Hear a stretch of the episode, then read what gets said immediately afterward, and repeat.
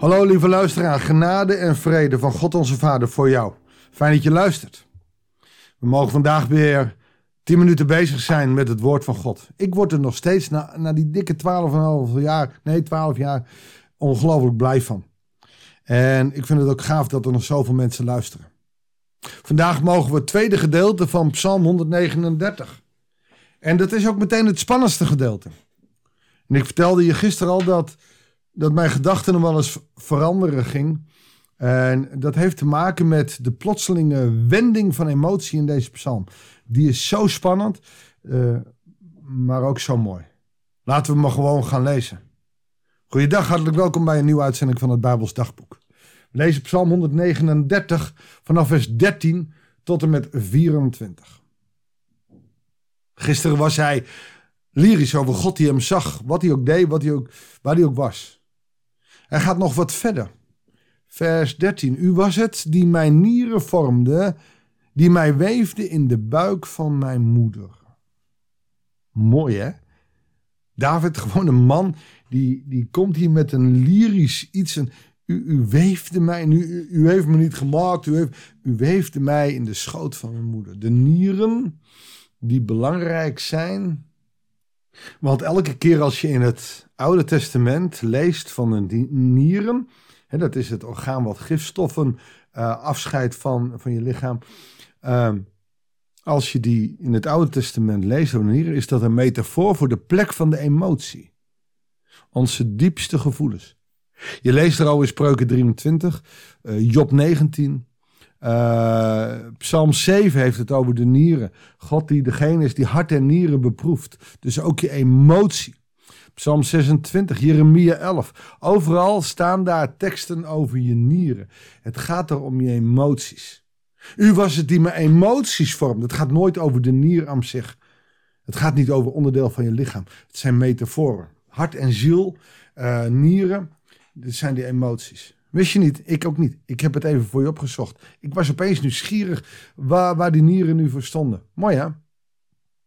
Die mij weefde in de buik van mijn moeder. Als je weet hoe gecompliceerd je in elkaar zit, dan is het toch wel een heel heftig weefgetouw wil God je daarop maken. Maar heb je er wel eens over nagedacht hoe, hoe alles met elkaar in verbinding staat in jouw lichaam? Als jij je teen stoot, dat dan je hersenen zeggen dat je oud moet zeggen omdat je pijn voelt. Maar dat gaat via jouw hersenen je mond uit. Dat soort dingen. God heeft het echt geweven. God is schepper van hemel en aarde en dus ook van de mens. Hoe wonderbaarlijk zit een mens in elkaar. Hij is de bedenker, de maker ervan. En hij heeft het zo mooi gemaakt dat als man en vrouw seks hebben met elkaar, dat er een zaadcel bij een eicel kan komen en dat dat een volledig mens kan worden. Hoe verzin je het? God verzint het. Ik loof u, vers 14, om het ontzaglijke wonder van mij bestaan. Nou, dat beschrijf ik net. Wonderbaarlijk is wat u gemaakt hebt. Ik weet het tot in het diepst van mijn ziel. En in je ziel, dat is je identiteit. Tot in het diepst van mijn identiteit weet ik, God is het die mij gemaakt heeft. Als ik met Paarsen nog aan het worstelen, hoe zie ik God? Uh, hoe zie ik Jezus? Ik, ik kan er soms niet eens beschrijven hoe ik Jezus zie. Maar ik weet wel dat hij tot, tot in mijn DNA, in mijn diepst van mijn ziel verworteld zit. Toen ik in het vermorgende gemaakt werd, kunstig geweven in de schoot van de aarde, was mijn wezen voor u geen geheim. Uw ogen zagen mijn vormeloos begin. Alles werd in uw boekrol opgetekend. Aan de dagen van mijn bestaan ontbrak er niet één. Het is een psalm.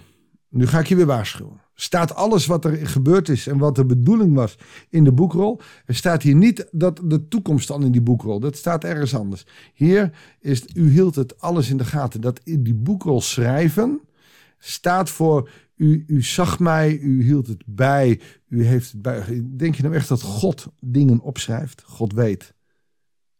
Het is een metafoor voor alles werd bijgehouden, alles werd opgetekend. Oftewel, u zag mij. Uw ogen zagen mij vormeloos beginnen. Uw ogen zagen mij toen ik leefde. Uw ogen, wat er ook gebeurt, er ontbrak niet één in uw gedachten. Hoe rijk zijn uw gedachten, God? Hoe eindeloos in aantal. Ontelbaar veel, meer dan zand bij de zee. En als ik wakker word, dan ben ik nog steeds u. En nou gebeurt er wat spannends in die psalm. Hij is dus ongelooflijk 18 versen lang, heel diep, heel metaforisch, heel persoonlijk, maar heel lyrisch over wie God is. Geen big brother die hem in de gaten houdt, maar een big vader die alles ziet en daar mee is alle eenzaamheid, verdriet en pijn bij hem opgetekend en zichtbaar en wordt hij gezien en dat is zo mooi. Maar en dat is ook na Pasen. God is opgestaan uit de dood. Halleluja. Maar dat betekent dat er nog steeds in deze tijd gebrokenheid is. En er zijn dus mensen die de wonderen niet aan God toebedenken. En die niet God danken voor alles. En die niet meer in God geloven.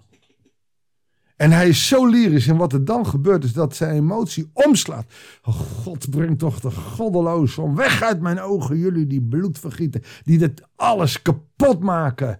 Want als je een mens kapot maakt, dan maak je dus een, ja, iets bijzonders kapot. Want een mens zit van voren, van boven, achter, helemaal geweven in elkaar. En dat maak jij kapot. God heeft het gemaakt. Wie ben jij dat je het zo even kapot maakt? Uit, uit woede of uit haat of uit vijandschap. O God, ze spreken kwaadaardig over u. Uw vijanden misbruiken uw naam. Wat David hier doet, is feitelijk iets wat hij niet hoeft te doen. Hij hoeft God niet te verdedigen. Hij verdedigt God hier. Maar kan ik als mens God verdedigen? Nee, want als wij God verdedigen, dan gaan we net als David hier ontzettend boos te zijn. God brengt toch alle goddelozen, het zijn alle niet gelovigen om. Hallo, ben jij degene die erover gaat? Nee, wat hij hier doet is, is enorm zondig. Hij, hij laat hier zien dat hij puur menselijk is. En daar heeft hij heel snel door. In deze twee versen gooit hij alles eruit.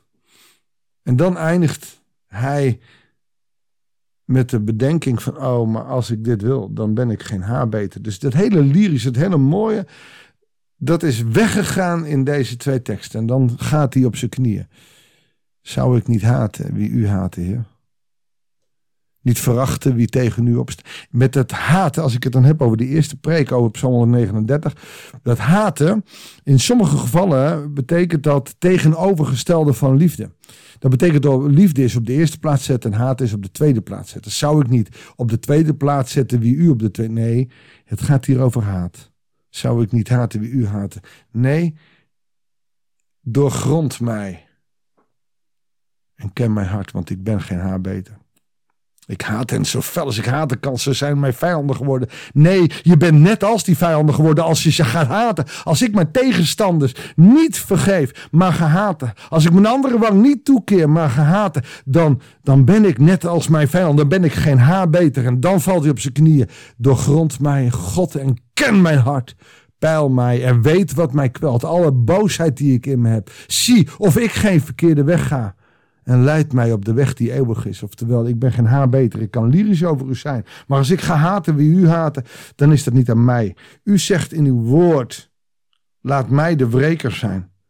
He, Romeinen 12, maar ook in het Oude Testament. God wil de wreker zijn. Wij hoeven hem niet te wreken. Wij hoeven hem niet te verdedigen. Wij hoeven mensen niet te haten omdat, omdat zij God haten. Wij moeten juist de vijanden lief hebben. God wil ons gebruiken om onze vijanden die we zouden willen haten, eigenlijk lief te hebben. En te zeggen, hé, hey, maar, maar joh, met de liefde van de Heer wil ik jou benaderen. Maar, maar wij gaan de verkeerde kant op. Doorgrond mij, o God, en ken mijn hart. Toets mij. Peil mij en weet wat mij kwelt. En kijk of ik niet de verkeerde weg op ga. Mag ik voor je bidden? Heere God, wat een omwenteling in deze psalm. Als David op zijn knieën valt en zegt, ja, als ik ga haten, als ik, als ik vijanden van u ga haten, dan, dan ben ik net zo erg als hen. En ik wil weten of u een heilloze toekomst heeft van mij. En dat hebt u, Heere God, u heeft dat voor ons. Maar dan moeten we niet gaan haten. Dan moeten we, zoals Jezus het zegt, onze vijanden lief gaan hebben. Heere God, vergeef ons. En zie ons in genade aan. Opdat we door uw genade mogen en kunnen leven. En dat we dus ook heilig gaan leven. Heer, want uw gedachten zijn zo rijk. En u wil uw gedachten door uw geest, onze gedachten laten zijn in onze geest. Maar dan moeten we openstaan. En als we vol haat staan, dan staan we niet open. Vergeef ons. Als we boos zijn op mensen. Heere God, het is niks menselijks, is ons vreemd. Maar het houdt ons weg van u. Vergeef ons en help ons anderen te vergeven. In de vrijheid te komen staan. En die anderen lief te hebben, hoe moeilijk dat ook is. Dat bid ik u in Jezus' naam. Amen. Dat gaat heel diep. Ik voel het in mijn botten, in mijn ziel. Maar ik hoop dat God ook manieren wil zien. De emoties die erbij gepaard gaan. En ik hoop dat jij in je nieren mag groeien. Oftewel dat je emoties positief gaan worden. Als je weet dat God in alles wat je doet erbij is. Ook al is het nog steeds die gebroken wereld. God shalom toegewenst en graag tot de volgende uitzending van het Bijbelsdagboek.